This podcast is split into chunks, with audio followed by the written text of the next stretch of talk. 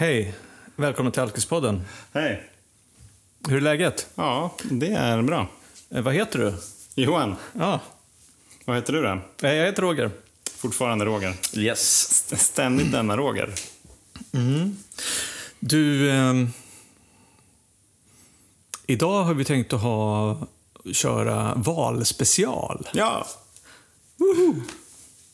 Hur tänker vi då? jag tänker att det är ju val, valtider givetvis. Och det är en eh, stor dag på söndag. Och eh, så kom vi att tänka på att eh, vi har tagit, gjort, vi har gjort flera val. Eh, för att bli nyktra till exempel. Och sen så kan man också unna sig själv en liten utvikning kring hur det var när vi gjorde val när vi var aktiva. Ja.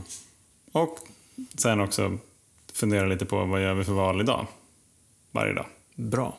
Och kanske också... Ja, men eh, jag tänker på... Det finns också en rädsla att göra val. Åtminstone hade jag det lite grann. Jag var ju lite en... Jag ville gärna glida med. Försöka undvika att göra val. Och kanske låta andra styra mitt liv. Jag tänker att sättet. det handlar om konsekvenser då. Ja, Val, val, eh, Och konsekvenser av val kan ju vara väldigt, väldigt eh, stora. ja, Inte minst på söndag, precis. hörni, där ute. Ehm, så det är ju ett fantastiskt tillfälle att ta ansvar för sig själv och sina medmänniskor att göra det valet som man tycker är bäst för eh, en själv och eh, omgivningen på söndag. Vi var kanske inte så jättebra när vi drack på att göra de valen som var bäst för oss själva och omgivningen. Nej. Hur gör man val, Johan? Eller hur gjorde vi? Hur? Alltså, Ja, men det, det är ju en jättebra fråga för att jag, eh, jag inser att jag gjorde så många omedvetna val. mm, Alltså, på något vis så var det en, ah, okej, jag, jag vet att jag inte flera gånger så jag vet att jag borde, vara, jag borde nog vara hemma ikväll och liksom ta det lugnt eller förbereda någonting eh, på jobbet eller göra någonting. Nej, men jag, så, fan, nu hamnade jag här ute liksom ändå. Fan, jag sitter här med en öl i handen och liksom, det här är ju trevligt och jag sitter här med en kompis. mm, Fan, jag skulle ju, jag skulle ju vara hemma. Och sen så, eftersom, eftersom det då inte räcker med en öl. Jag har nog aldrig gått ut och tagit en öl. Jag, men däremot har jag alltid gått ut och tagit en öl till. mm, Det, har ju, det händer ju varje gång. Så att, så att eh, beslutet eller, eller valet, omedvetet eller inte, ledde ju någonstans till konsekvenser som jag inte hade räknat med. nej. Och jag tycker det där är ganska intressant för just det, hur gör man val, eller gjorde vi val? För att eh, jag kommer att tänka på en grej, du har ju pratat till exempel tidigare om att, att eh, jag tror du uttryck, uttryckte det ungefär så här, hur kunde jag inte göra analysen? Ja, jag hade ju precis. så många datapunkter. Och med det, då tänker jag så här att, ja men då tänker du att du borde kunna fatta rationella beslut bero, alltså, grundade på fakta. Ja, Eller eh, observationer. ja precis. Men eh, så var det inte. Nej, det var det ju verkligen inte. Och istället så fattade vi beslut... Det var ju väldigt många kortsiktiga beslut, tänker jag. Alltså det är just det här, vi har pratat om konsekvenstänk tidigare och det, och det fanns ju inte riktigt. Eh, så här, ja, men tänk, tänk hur jag mår imorgon. Alltså jag är så sjukt... Jag blir så im- imponerad och samtidigt lite, lite provocerad när jag, när jag hör så här, ja men det är, en, det är en dag imorgon också, till exempel. Så här, Mm. Den var på fest. Ja, men det är en fest nu. den, den, Ja. den pågår. Den, den var liksom alltid den var liksom alltid prioriterad. Och så här, ja, men vad som händer imorgon, ja men det får väl hända imorgon. Liksom. Så jag, jag, jag, jag tänkte bara i princip på vad, vad vill jag nu? Jag funderar på om, du, om du försöker tänka tillbaks på hur du fattar, hur du gjorde dina val då. Alltså, när du tänkte på hur, att, att du ville vara där du var nu och festa nu. Mm. Kommer du ihåg om du tänkte liksom... Tänkte du på andra människor eller konsekvenserna överhuvudtaget? Eller, liksom, eller var det... Tänkte du på dig själv eller var du helt enkelt bara oförmögen att tänka? Eller? Jag tänkte nog inte så mycket på konsekvenser, inte för andra i alla fall. Nej. Eh, och, och jag tänkte nog också så här, eftersom jag inte... Jag blev aldrig utåtagerande och liksom aggressiv och så när, jag, när jag var full. Då tänkte jag att men då, blir, då blir det inga konsekvenser för, för någon annan. Men det kan det ju bli ändå, såklart. Eftersom om jag väljer att, att dricka en kväll, då väljer jag också att till exempel inte vara hemma och ta det lugnt. Ja. Eller liksom vara med Josefina en kväll. Eller... Så, så att det är klart att det, det får ju konsekvenser även fast det inte var, tyckte jag, då, några sådana direkt negativa. Nej. Jag tänker nog så här att jag försöker tänka tillbaks hur jag valde. Och återigen så, så känner jag liksom att, att eh, vi skilde oss åt en del då där när vi drack. För att jag, jag var nog mer, jag gjorde nog mina val mer, jag vill gärna säga taktiskt. Därför att jag försökte göra mina val eh, alltså, nu säger jag med hänsyn till andra utan att mena med hänsyn till andra. Utan hela tiden om hur kan jag göra det här så att inte andra märker vad jag Ja, egentligen håller på med. Mm.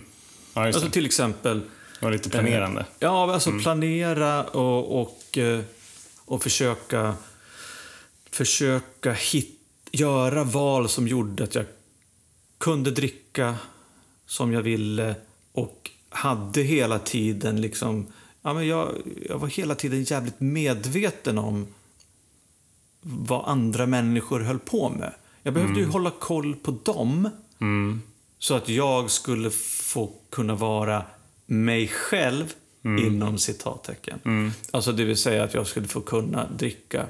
Och, och det, det betydde ju att jag valde eh, till exempel eftersom jag drack, eh, inte festade så mycket utan drack hemma eller på jobbet eller i bilen. Det betyder ju att jag, jag fick välja att att eh, ja, ta mig till ställen. Garaget eller bilen eller skogen eller vad det nu var. För att kunna dricka. Och eh, hade naturligtvis en massa ursäkter eller projekt på gång som jag behövde göra. Som inte innebar att jag var tvungen att, att spendera tid liksom, med andra människor. Utan eh, kunde vara ganska mycket för mig själv. Liksom så.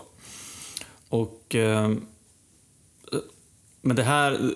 Det sättet jag drack på, det gjorde att jag var ju hela tiden också liksom på, på helspänn. För att... Eh, jag tog ju större och större risker. Alltså för mig, till slut räckte det med ja, men, eh, fem sekunder i köket. För okej. att jag skulle försöka hinna ta liksom, ett extra glas vin.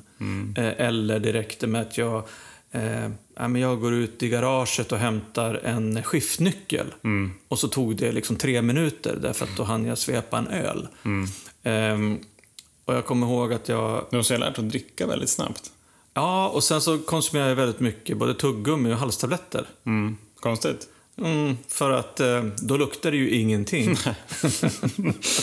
Nej, det är ju en, väldigt, det är en helt idiotsäker plan. Men, liksom Men det, det, det, roliga, fantastiskt genomförande. det, roligaste var ju, det roligaste var ju på slutet när jag ändå lurade mig själv att, att jag köper Mintu. Det är liksom den Ah, perfekta kombinationen igen av vodka och halstablett. Mm. Och tänkte att nu är jag safe. Ehm, och jag, alltså jag för mig till och med att jag, att jag typ var... Jag bodde i Västerås då när jag drack. Att jag typ var här i Stockholm och skulle på ett kundmöte. Och var så jävla listig att jag hade liksom en kvart mellan jag kom med tåget och jag skulle promenera till något möte och då gick jag förbi Systembolaget och liksom köpte Mintu för att kunna dricka det utan att kunden skulle märka någonting. Ja, just. Alltså just det här risktagandet ihopkopplat med en, en alltså ren och skär dumhet. Alltså som tänker att Nej, men nu när jag gör det här så kommer jag att klara mig. Eh, Så för mig handlar det väldigt mycket om hela, hela tiden att parera och eller planera, försöka liksom hitta sätt att komma undan på eller göra det där. För att på slutet var det ju så, precis som jag pratat om förut, att jag, jag, jag, drack, ju varje, jag drack ju varje dag. Och jag var tvungen, tvungen på något sätt att hitta, hitta ställen att göra det. Jag vet också att, att jag...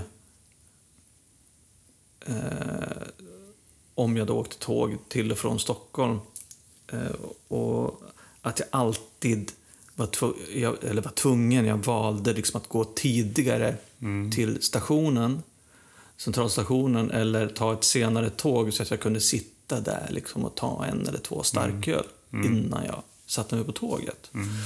Så att he- hela mitt jävla liv i princip gick ut på att hitta de där små eh, tillfällena där jag kunde liksom dricka alkohol. För att jag festade inte. Nej, utan jag, jag drack liksom när jag kunde. Det var som ett väldigt pusslande. Ja, så inåt helvete. En, en sak som jag reflekterar över när jag lyssnar på dig är att... ehm, är att ehm, alltså, det, det var ju klart att vi gjorde val i det här. Men, men, jag, men jag inser också att det kändes ju som att jag inte hade något val. Alltså, jag, jag måste dricka. Jag måste få, jag måste få utlopp för det som, det som känns för jävligt liksom här inne. Jag, om, om, jag inte, om jag inte får dricka snart så går jag sönder. Liksom. Så att, och, det, och det är ju en del av själva galenskapen Ja. också ju.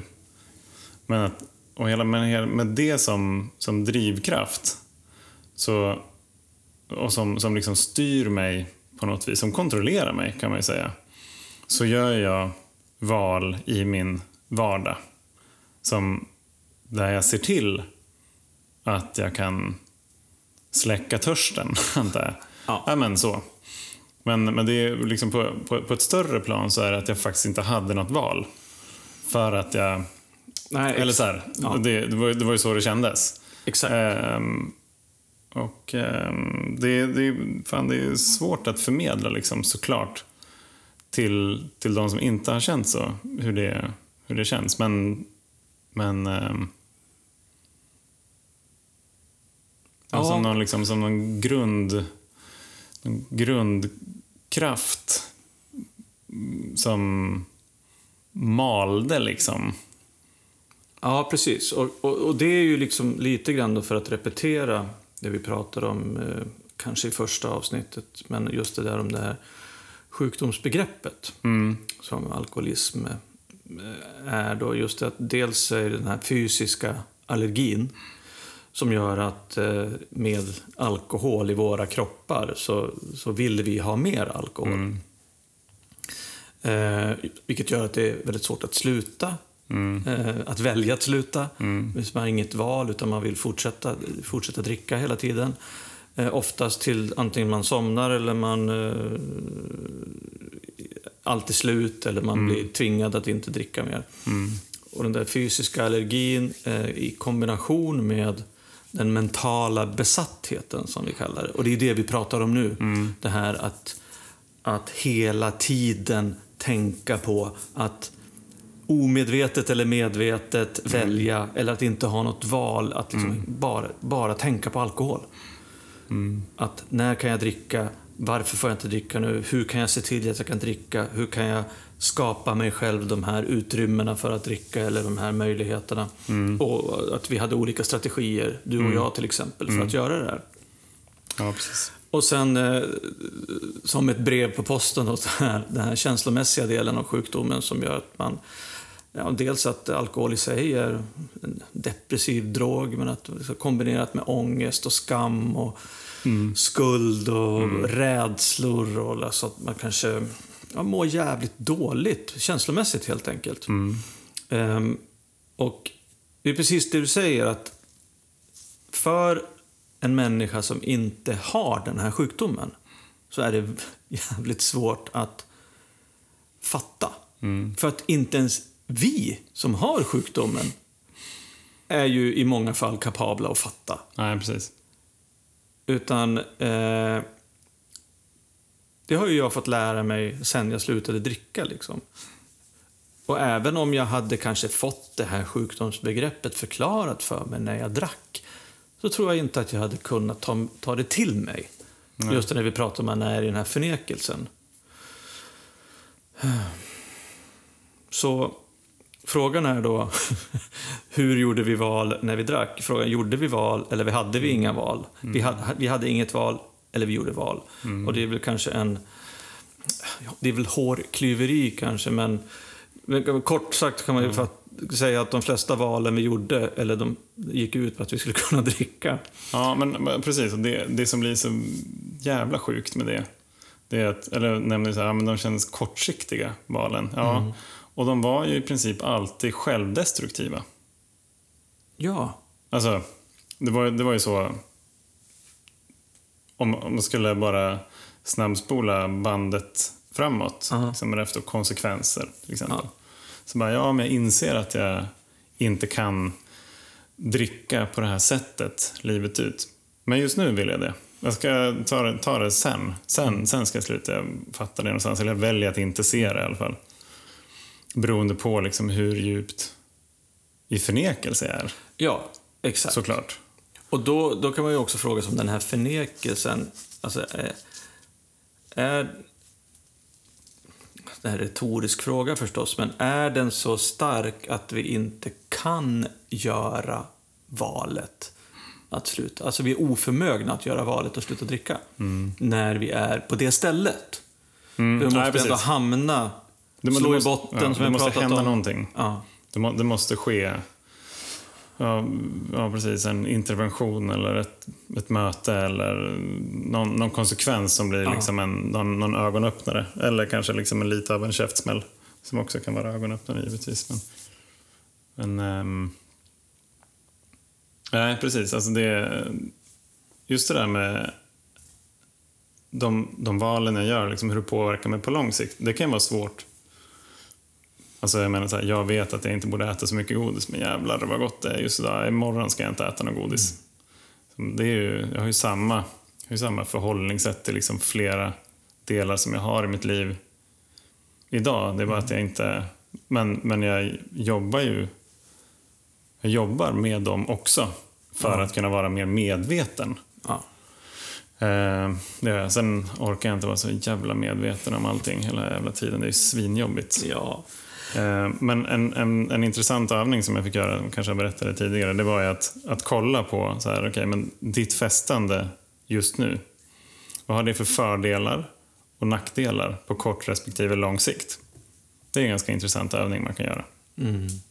Men frågan är ju, ja, du, du fick den övningen, du kanske klarade av att göra den övningen då, men om jag ska vara riktigt ärlig, om jag hade fått fått den frågan när jag var aktiv så vet fan om jag ens hade ett, brytt mig om att svara på det. Två, nej, svarat precis. ärligt. Nej. Nej, Eller ens kunnat se vilka fördelar och nackdelar. Men jag tänker också på den här, just den här besattheten eller beroendet. Mm. Till, för att man är beroende, att vi, ja, vi var beroende av alkohol eller är beroende av alkohol gör ju att om jag mår dåligt eller om jag känner att jag måste göra en förändring, så jag väljer att ändra på andra saker. Ja, just det. Än alkoholen. Mm. Eller man, du har varit inne på det, att du ja, men byter från IPA till lager och mm. till Guinness och tvärtom. Eller, det finns ju massa historier om mm. att man försöker äta före eller äta efter eller mm. i, gå på andra krogar bara för att tänka att det inte ska gå åt helvete som det gjorde förra gången. Ja, man försöker ändra på precis allting mm. ja, utom just mitt sätt att dricka. Mm. Ja, precis. Alltså försöka testa alla möjliga lösningar för, att, för att kunna fortsätta. Ja. Eh, ja, det var ju också en... Uh, pratade med en, uh, en vän i nykterheten här uh, förra veckan och han sa ju att ah, men om jag kunde dricka som... Om jag bara kunde dricka som folk, då skulle jag dricka varje dag. Okej. Okay. Ja. ja, absolut. Alltså där, ska, vi, ska, vi, ska vi pausa där? och, och bara ja. samla ihop tankarna lite grann kring så här, om man tänker så, så är man garanterat alkoholist. Mm. Um, och... Um, men det... Um, men okej. Okay. Val... Vad är skillnaden då, idag? Ja, eh, skillnaden idag eh, är ju dels att vi är nyktra. Eh, men jag, jag kommer också... Jag, vi återkommer till det. Ja. Jag kommer tänka på en sak. Jag snackade med en kompis idag. Och vi pratade om det här med att som nykter alkoholist. Mm. Alltså det enskilt, den enskilt viktigaste för en nykter alkoholist, eller för mig, det viktigare än allt annat, är att jag håller mig nykter. Ja.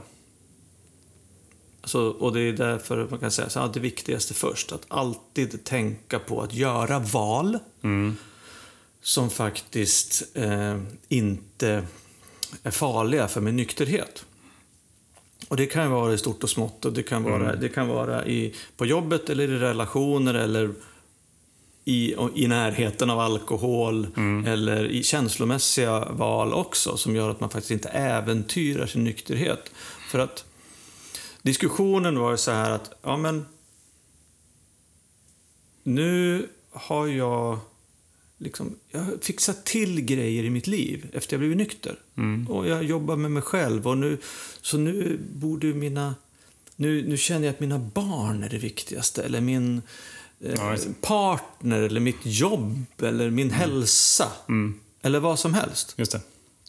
Ja, lite grann så här, nu är jag klar med, ja. med, mitt, med, med alkoholen. Okay, ja. då, kan jag, då kan jag sätta checkbox där och sen Exakt. så kan jag börja jobba med andra områden som jag också vill utveckla. Och det där är ju som vi har lärt oss, mm. både kanske delvis av egen erfarenhet men eh, genom att lära oss mycket om nykterhet och eh, återfall och mm. Eh, den progressiva sjukdomen som, som vi pratade om även om man gör uppehåll i en månad eller i fem år mm. så fortsätter ja, man på precis samma plats där man var och det går nerför i ett allt snabbare tempo. Det där är ju... Det är en jävligt knivig tanke det där. Och kan ju tyckas också jävligt självisk. Nej, men det viktigaste är att jag håller mig nykter. Mm. Sen kommer allt annat. Och, mm. Ja, precis. Men, men man kan ju säga då, men vad är alternativet då? Ja, vad är alternativet? Ja, men jag börjar dricka igen. Mm. Eh, och då ryker ju allt annat. Ja, då ryker allt. Ändå. Så att det, det, är det ena och det är ju liksom det, det farligaste. Liksom den, den, mm. den, konkreta konsekvensen av att börja dricka. Liksom att man, allting går åt helvete. Mm. Men det är också, också det liksom att... Eh, jag, jag, tror också för min egen del att eh, ju mer jag fokuserar på att jobba med mig själv och göra det jag ska liksom, mm. eh, för min nykterhet och för mitt känslomässiga välmående och, eh, eh, och det, desto desto mer mm. kan jag faktiskt bidra med till and för andra människor. Mm. I relationer eller på jobbet eller, eller vad det nu är. För att eh, en sak som jag, som, som, som jag tyckte var som också var svår i början av nykterheten, det var så att ja, men jag tyckte att jag har så jävla mycket tid på att jobba med mig själv och prata med folk. Och, mm. och gå på, jag var på behandling och eftervård och gå på möten och liksom sånt där. Mm. Och då det var så här, så här, ja, men ju, mer, ju mer tid du lägger på att jobba på dig, med dig själv, mm. desto mer tid kommer du få i vardagen. Och jag bara, äh. Mm. Det låter ologiskt. Ja, det låter jävligt Det är ologiskt. sådana paradoxer är ju klurigt att förhålla Ja. sig till ändå. Men, och då så tänkte jag, ja men hur då? Jo, och då så pratade vi om det där och det visade sig, ja men det är klart att ju mer jag jobbar med mig själv, desto, desto tryggare kanske jag känner mig. Desto mer känslomässigt eh, lugn eller säker och desto, mer, desto mindre osäker på människor runt omkring. Och, och, ja, så vilket gör att jag upplever liksom att jag får jag blir inte lika orolig kanske, lika stressad och sådana saker. Vilket gör att jag, jag får liksom ett... Ju mer jag jobbar med mig själv, desto mer kan jag jobba med, med andra eller va, vara liksom lugn i vardagen. Vilket faktiskt stämmer. För att... Jag märkte det om jag, om jag jobbar mindre med mig själv, då ägnar jag ju mer tid till att liksom idissla massa ja, men, oro och, Ja, och tvångstankar och ångest i huvudet. Rädslor och grejer. Mm. Rädslor och skit liksom, som gör att jag inte får tid till någonting. Jag sitter bara och, och är rädd, arg, eh, Mm. orolig och, och tycker att eh, dagarna bara springer iväg. Mm. Så, att välja, återigen, Mm. Att liksom sätta nykterheten först är också ett, ett jävligt viktigt val, men som är jävligt svårt också. Både för mig, men också i förhållande till omgivningen. I början, när jag är nykter. Eh, så att... Eh, och din fråga var ju liksom, vad är det för skillnad idag då? När, när vi gör val. Och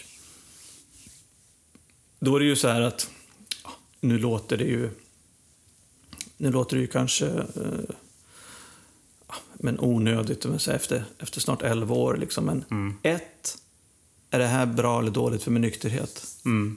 Liksom, är det, om jag, av de här grejerna som jag väljer emellan, är det någonting som är farligt för mig eller min nykterhet? Nu så, för min egen del, och så, så kanske inte, så, jag kanske inte kommer i kontakt med sådana val så det är jätteofta, men det är ju liksom jävligt, det är, en, det är en viktig del i, och jag tror att det sitter i ryggmärgen idag, eh, efter den tiden som jag har.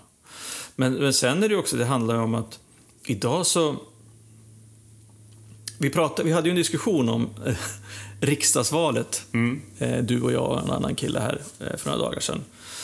Just det där jag kände, och det är, ju- eh, vi pratar om, för det är ju tredje gången som jag går till valurnorna efter jag blev nykter. Ja, just det. Och, och jag kan känna själv att idag så värderar jag de alternativen som jag, kan, som jag har att välja mellan på ett annat sätt än jag gjorde eh, tidigare. Både tidigare i nykterheten och även när jag drack. Det vill säga, jag tänker mer långsiktigt. Jag tänker mer på hur mitt, mitt val påverkar andra människor och inte bara mig själv. Eh, och eh, jag har liksom en känsla av att jag vill göra ett val som hjälper så många människor som möjligt och inte bara mig själv. Om vi nu pratar om, pratar om att rösta på söndag. Så att på det sättet så har ju jag faktiskt utvecklats som, eh, som människa ifrån eh, den väldigt själviska och egoistiska eh, människa jag var när jag drack.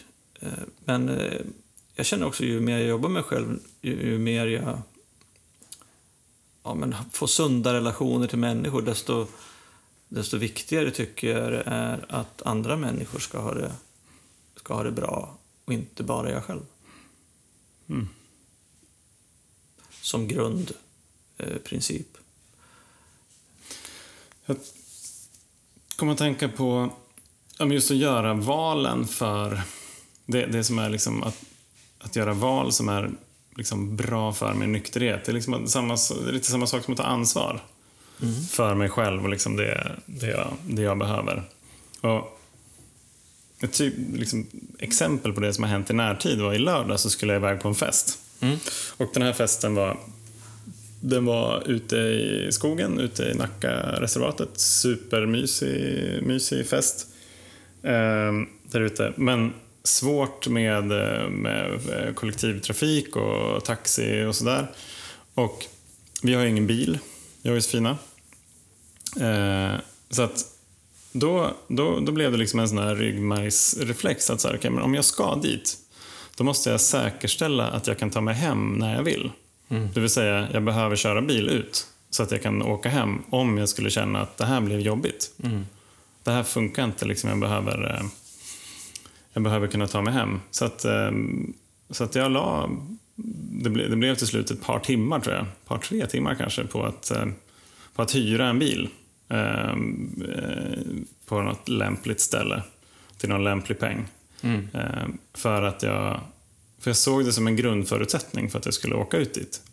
Och eh, åkte ut med, med några vänner som var väldigt glada över att få skjuts ut. Eh, och, eh, och då sa jag ut, eh, när vi satt i bilen ut, att så här, om jag känner att det blir jobbigt, då kommer jag, jag kommer försöka leta upp er, jag kommer säga till att jag åker, men jag väntar max i 10-15 minuter mm. och sen åker jag. Mm. Ni får jättegärna följa med. Mm. Eh, men jag kommer inte stanna kvar på festen för er skull. Utan jag, i så fall så måste jag åka hem för min skull. Mm. Och alla ja perfekt, jättebra. Då, då är det klart och tydligt. Supertack. Det slutade med att vi alla åkte hem plus en till person mm. i bilen. Till slut. Mm. Men det var, jag tyckte också att det var väldigt skönt att sätta de spelreglerna mm. för mig själv. Det liksom jag, jag har ju tränat på att, att känna in vad jag behöver. Mm. Ja, men jag behöver ha en trygghet i att jag kan lämna. Ja, Okej, okay. ja men vad bra. Och sen att, att respektera liksom den, det behovet hos mig själv. Tidigare så, så har jag dels, dels nog inte reflekterat så mycket över vad jag behöver. Utan jag har varit mer driven av den här grund grundrädslan kanske, eller liksom grundkraften. Att så här, jag vill dricka. Mm. Um, så det, var, det, liksom det, det är lite fascinerande att se hur jag, hur jag gör idag. Hur jag väljer. Och jag tänker också att, att val att göra varje dag. Vi har pratat om tacksamhet tidigare. Mm. Tacksamhet är ett val. Och det stämmer fortfarande, tycker jag. Mm. Um, men så, som jag ser det så så innan jag, innan jag liksom går ut i dagen så väljer jag om jag ska möta dagen med kärlek eller rädsla. Att det liksom mm. sätter, sätter riktningen för, eh, för dagen. För att dagen kommer ju hända. Ja. Jag kommer ju möta personer och de kommer påverka mig på olika sätt. Mm. Och om jag har liksom tagit ett aktivt beslut. Där, idag ska jag möta världen kärleksfullt. Ja. Så blir ju mina möten mycket bättre. Ja. De blir det. det är, jag, har, jag känner en större tacksamhet, jag har en större närvaro. Precis. Om jag gör det. Och det får mig liksom att tänka på hur det var förut. Mm. Att jag var... Liksom, varför hade jag till exempel ehm, det här, det här behovet av att, av att kontrollera så mycket? Det var för att jag var rädd mm. för hur andra skulle tycka eller känna eller sådär. Så att så sjukt mycket av det jag gjorde var så rädslodrivet. Ja, ja men det, precis. Och det var väl, alltså, det är ju ett annat sätt att beskriva mina val när jag drack. Mm. Rädslodrivet. Att jag, jag var rädd att åka dit eller bli mm. upptäckt. Men, så att det var därför jag gjorde de här valen, att smyga runt och sådär. Och det, jag håller helt med, för det här med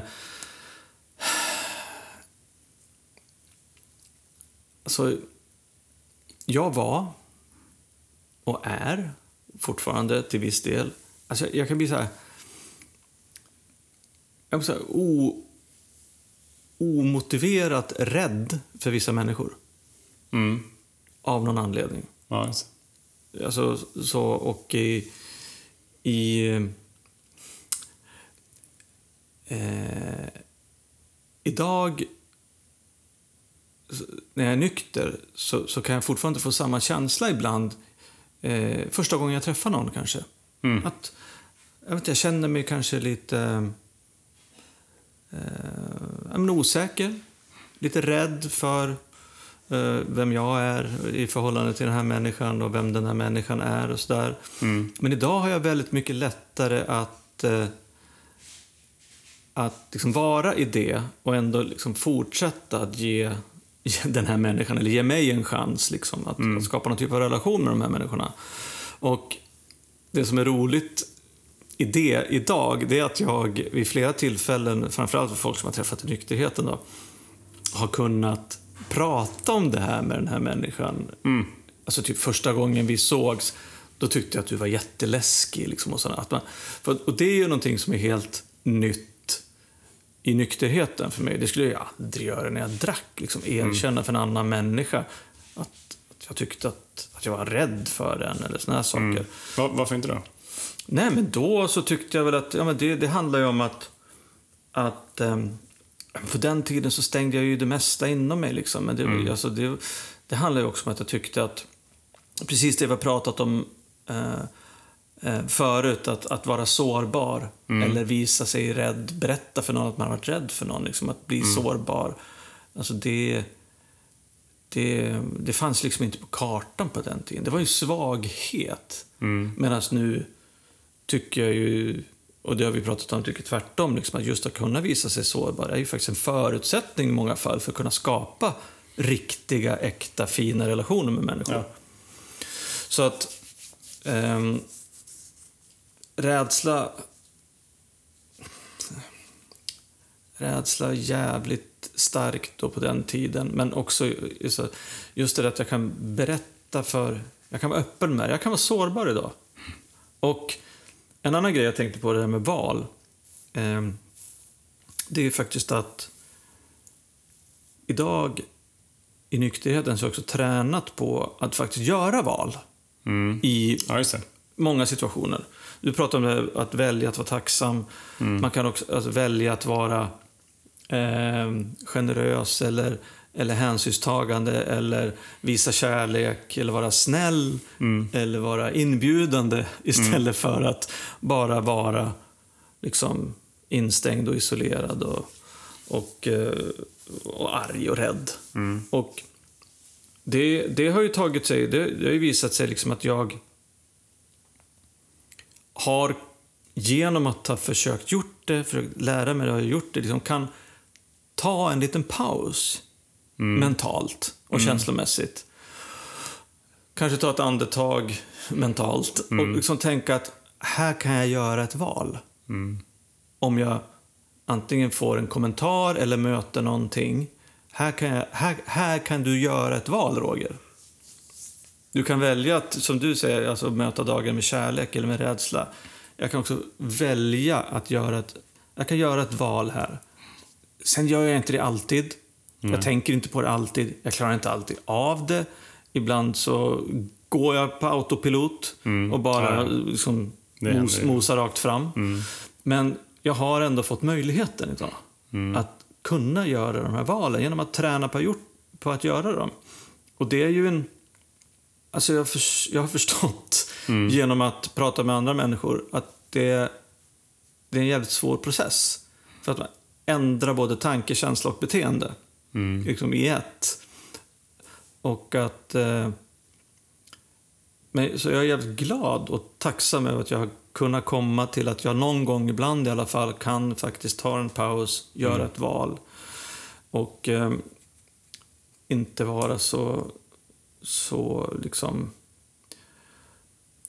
så agera på, på instinkt eller på, Nice. på alltså lite, nästan lite alltså, mm, försvarsmässigt så. Mm, just det. Alltså Jag, jag tänker på sista månaderna innan jag slutade dricka. Ja. Så kändes det ju verkligen inte som att jag hade något val. Alltså vad, vad gäller någonting. Nej, jag, hade, jag, jag kände att jag var tvungen att dricka. Ja. Men, jag, men jag, kände inte heller att jag hade något val att ehm, liksom sakta ner det här ekorrhjulet som jag kände att jag bara liksom var tvungen, jag kände att jag var tvungen att springa fortare, fortare, fortare, fortare. I något konstigt liksom ekorrhjul som bestod av eh, jobb och stress och massa olika sociala grejer som jag inte kände att jag kunde missa för att då skulle jag bli... Jag såg liksom världens värsta konsekvenser av om jag skulle missa grejer. Då skulle jag bli exkluderad och ensam för all tid och all evighet ungefär. Så att jag, jag visste ju inte liksom, vart fan ska jag börja då? När jag känner att det där jävla ekorrhjulet snurrar så fruktansvärt fort. Liksom, om jag inte hade fått hjälp av Linus så hade jag aldrig... Jag hade aldrig det kändes inte som att jag hade rätt ut det själv. Liksom. Nej. Um, och där, där som, som vi har nämnt, så kom ju verkligen sårbarheten in där. Alltså, för det kändes som att jag inte hade något, något val än att bara fortsätta. Men ändå så gjorde du ett val. Ja. Efter, ja, då, vid en viss tidpunkt eller när hade gått över någon gräns eller Mm. eh, upplevde. Och det är ju också det är spännande och, Jag har inget svar på det här. Och vi har ju, vi har ju snuddat vid tanken och diskuterat det liksom tidigare, men hur fan gör man det valet? Liksom? Mm. Att sluta, eller att ge upp, kapitulera, erkänna att man är maktlös Mm. Och fråga om hjälp. Liksom. För det är ju ett val. Mm. Ja, det, Alltså, det, man kan ja, få hjälp att ta sig dit, men och man kan tvingas till en viss gräns att sluta dricka eller bli inlagd på behandling, men för att liksom fortsätta vara nykter så, så är det ju liksom ett val. Ja. Ja, Och det är ju en process, som, alltså en process som antingen är kemisk, eller andlig, eller känslomässig, eller fysisk, som jag inte liksom... Jag har ingen aning om hur fan det gick till. Men jag, jag, jag tror att om, om man ska liksom fortsätta reflektera lite över den här sista perioden så, så tror jag att det var... Det var en ständig kamp Mm. som jag kände att jag var tvungen att fortsätta. Mm. Eh, jag, jag trodde ju...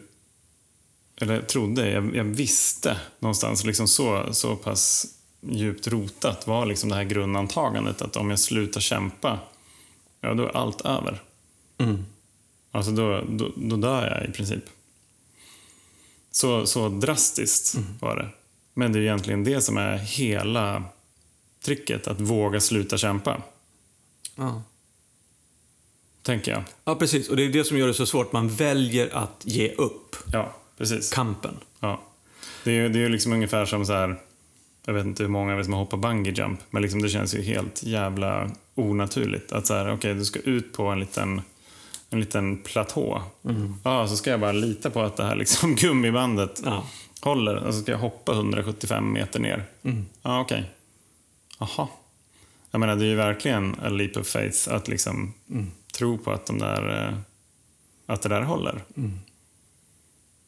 Men ehm, Ja, eftersom, jag, eftersom jag inte har den erfarenheten, nej, jag har aldrig gjort det förut, Nej. ska jag bara lita på någon Jeppe här. Ja, ja kanske. Och, och, det, och det är väl det som är grejen då. Att jag, ett, jag har ingen bättre lösning. Jag har testat allt.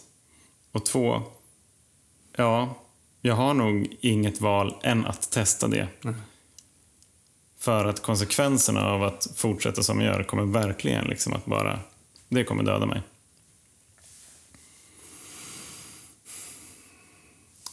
Alltså jag, eh, jag, sit, jag sitter här och tänker på, igen, jag är så jävla tacksam för ja, de här människorna som alltså, knuffade mig, eller piskade mig kanske, men, alltså i rätt riktning. Alltså, Mitt ex och ex-svärmor och, och, och, och barnen och till viss del liksom ja, morsan och syrran. Liksom just att... eh, För utan... Utan deras... Ja, men utan deras inblandning, precis som du säger, Mm. liksom, utan deras inblandning så hade jag ju förmodligen bara kört på. Mm. Och vem fan vet vad det hade slutat liksom. Mm. Och tacksam att jag sen, sen själv också lyckades på något jävla sätt göra det här valet för min egen skull. Mm. Att fortsätta på behandling och fortsätta vara nykter och jobba med mig själv. Ehm, och det leder mig fram till liksom att även idag att jag också kan... Jag har fortsatt göra bra val, Mm. tänker jag. I det stora och i, i, i det lilla. Och eh, så ett av de, ett av de bästa valen på senare tid eh, är ju att eh, ja, men börja prata med dig om att göra den här podden. Mm. Ett superbra val. Och att vi sen valde att göra det. Bara sådär, nej men nu gör vi det här. Det, det är klart vi ska göra det, nu gör vi det. Det var inte så att vi satt och liksom funderade på ja, vi tänkte väl, ja men det är väl bra för vår nykterhet. Ett. Mm. Ja, exakt.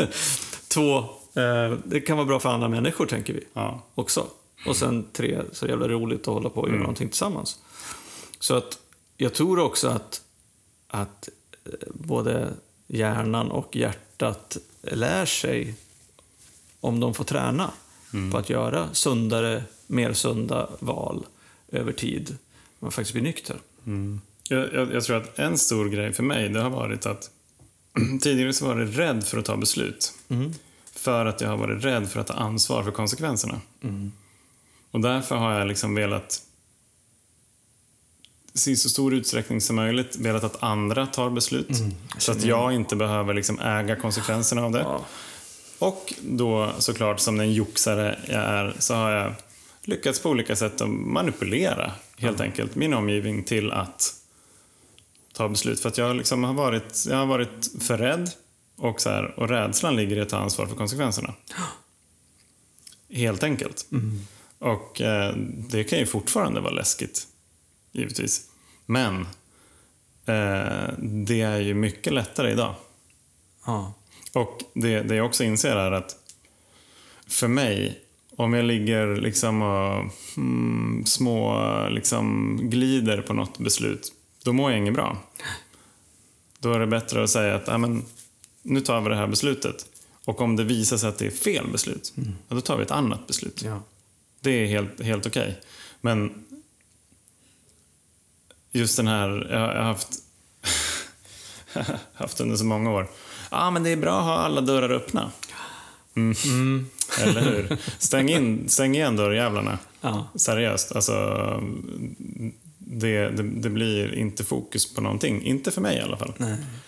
Jag har haft liksom väldigt mycket sådär, ja men det är alltid bra att, att kunna ha ingångar in i det här om jag skulle göra det senare i karriären eller jag skulle kanske vilja flytta. Men ja, men hur många skulle kanske vilja finns det inte då? Ja. Hur många dörrar har jag inte lagt energi på? Även fast jag inte upptagit kanske liksom jättestor del av min energi varje dörr så har ju summan av dörrar som har stått lite på glänt för att jag inte kan ta ett jävla beslut om vad jag ska göra just här och nu. Det har ju varit helt galet mycket energi som har flödat igenom där. Fan vad fint Johan. Eh, Jag känner igen mig jättemycket i det där med att inte våga eller vilja eh, ta ansvar för beslut eller konsekvenser. Och jag tycker väl att det där kanske summerar dagens samtal lite grann. att Förut så fattade vi beslut eller gjorde val som var baserade väldigt mycket på att vi inte ville göra några val eller inte hade några val och försökte komma undan ansvar för konsekvenser och, och glida runt som en liten slimeboll i, i tillvaron. Ja. Idag så har vi fått träna på att göra val. Mm. Ehm, vi kan kanske ibland ta en paus och faktiskt bestämma oss för att göra ett val i olika situationer. Vi har också tränat på att göra sundare val. Ja, jo. Och eh, precis det som du var inne på på slutet, att, att faktiskt göra val istället för att inte göra val. Mm. Hålla dörrar öppna tror jag också är jätteviktigt för, eh, för oss. För att eh, ja, kunna behålla fokus på det som ändå vi har kommit överens om är det allra viktigaste. Ja, nykterheten. Mm, exakt. Och med det så tänkte jag att vi skulle presentera eh, ett till val som vi har gjort. Eh, vi har ju valt att ta hit gäster. Ja, det blir superkul. Ja, och det är ju premiärinspelning nästa vecka. Sjukt jävla spännande är det. Och vem det blir, Da-na-na-na. det får ni väl veta då. Det väljer vi att inte säga. Ja, vi vill att inte säga det. Det vi, det vi väljer att säga är att det inte är en eh, gubbe. Nej, precis. Skönt. Det, det blir inte något mer gubbsnack. Eller, eh, nu höll jag på att lova för mycket. Det är klart att det blir mer gubbsnack i podden. Men inte nästa vecka i alla fall. Eh, Då får vi hit en tjej, så Mm. mycket kan jag säga. Ja, det kan vi se. Eh, Det ska bli jätteroligt. Det blir första gången vi gör en eh, gästpodd. Mm. Och vi har ingen aning om hur det kommer gå till. Nej. Än så länge. Så då får vi se. Hoppas... Vi väljer att släppa taget om det, Ja, helt precis. enkelt. Mm. Så jag hoppas att ni eh, ser fram emot det med spänning. Jag tycker att det ska bli skitkul. Sen, Ja, en passning Mhm. Passa på den. på söndag. Gå och rösta. Gå och rösta, gör rätt val. Tänk på hur vi vill ha det här framöver. Det är väl så mycket jag kan säga ungefär. Annars så har vi något mer. Ja, jag tänker, gör valet och ta ansvar för konsekvenserna. Exakt. Tänker jag. As plain as that. Och ehm, vi vill gärna ha... Vi, vi, vi har ju flera som vi tänker att vi ska intervjua här i, i podden. Men eh, skicka gärna förslag på folk som ni tycker att ni skulle vilja höra. Gör det. eh, på alkispodden.gmail.com. Ehm, eller hör av er på vår Facebook-sida eller Instagram. Gjort. Och... vad fan, ha en, ha en skön fredag hörni. Och en bra helg. Och se för fan till att rösta på söndag. Återigen. Underbar helg på er hörni. Puss! Puss. Hej då.